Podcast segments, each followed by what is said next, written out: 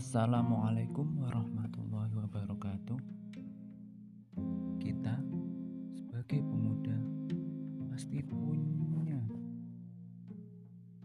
cara pandang berpikir yang berbeda-beda. Kita sebagai penerus bangsa pastinya ingin dong Indonesia ini menjadi lebih baik lagi.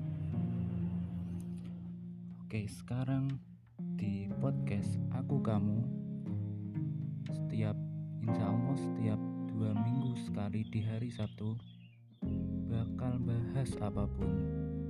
Entah itu tentang SMA kuliah atau yang lainnya. Tungguin ya dengerin. Terima kasih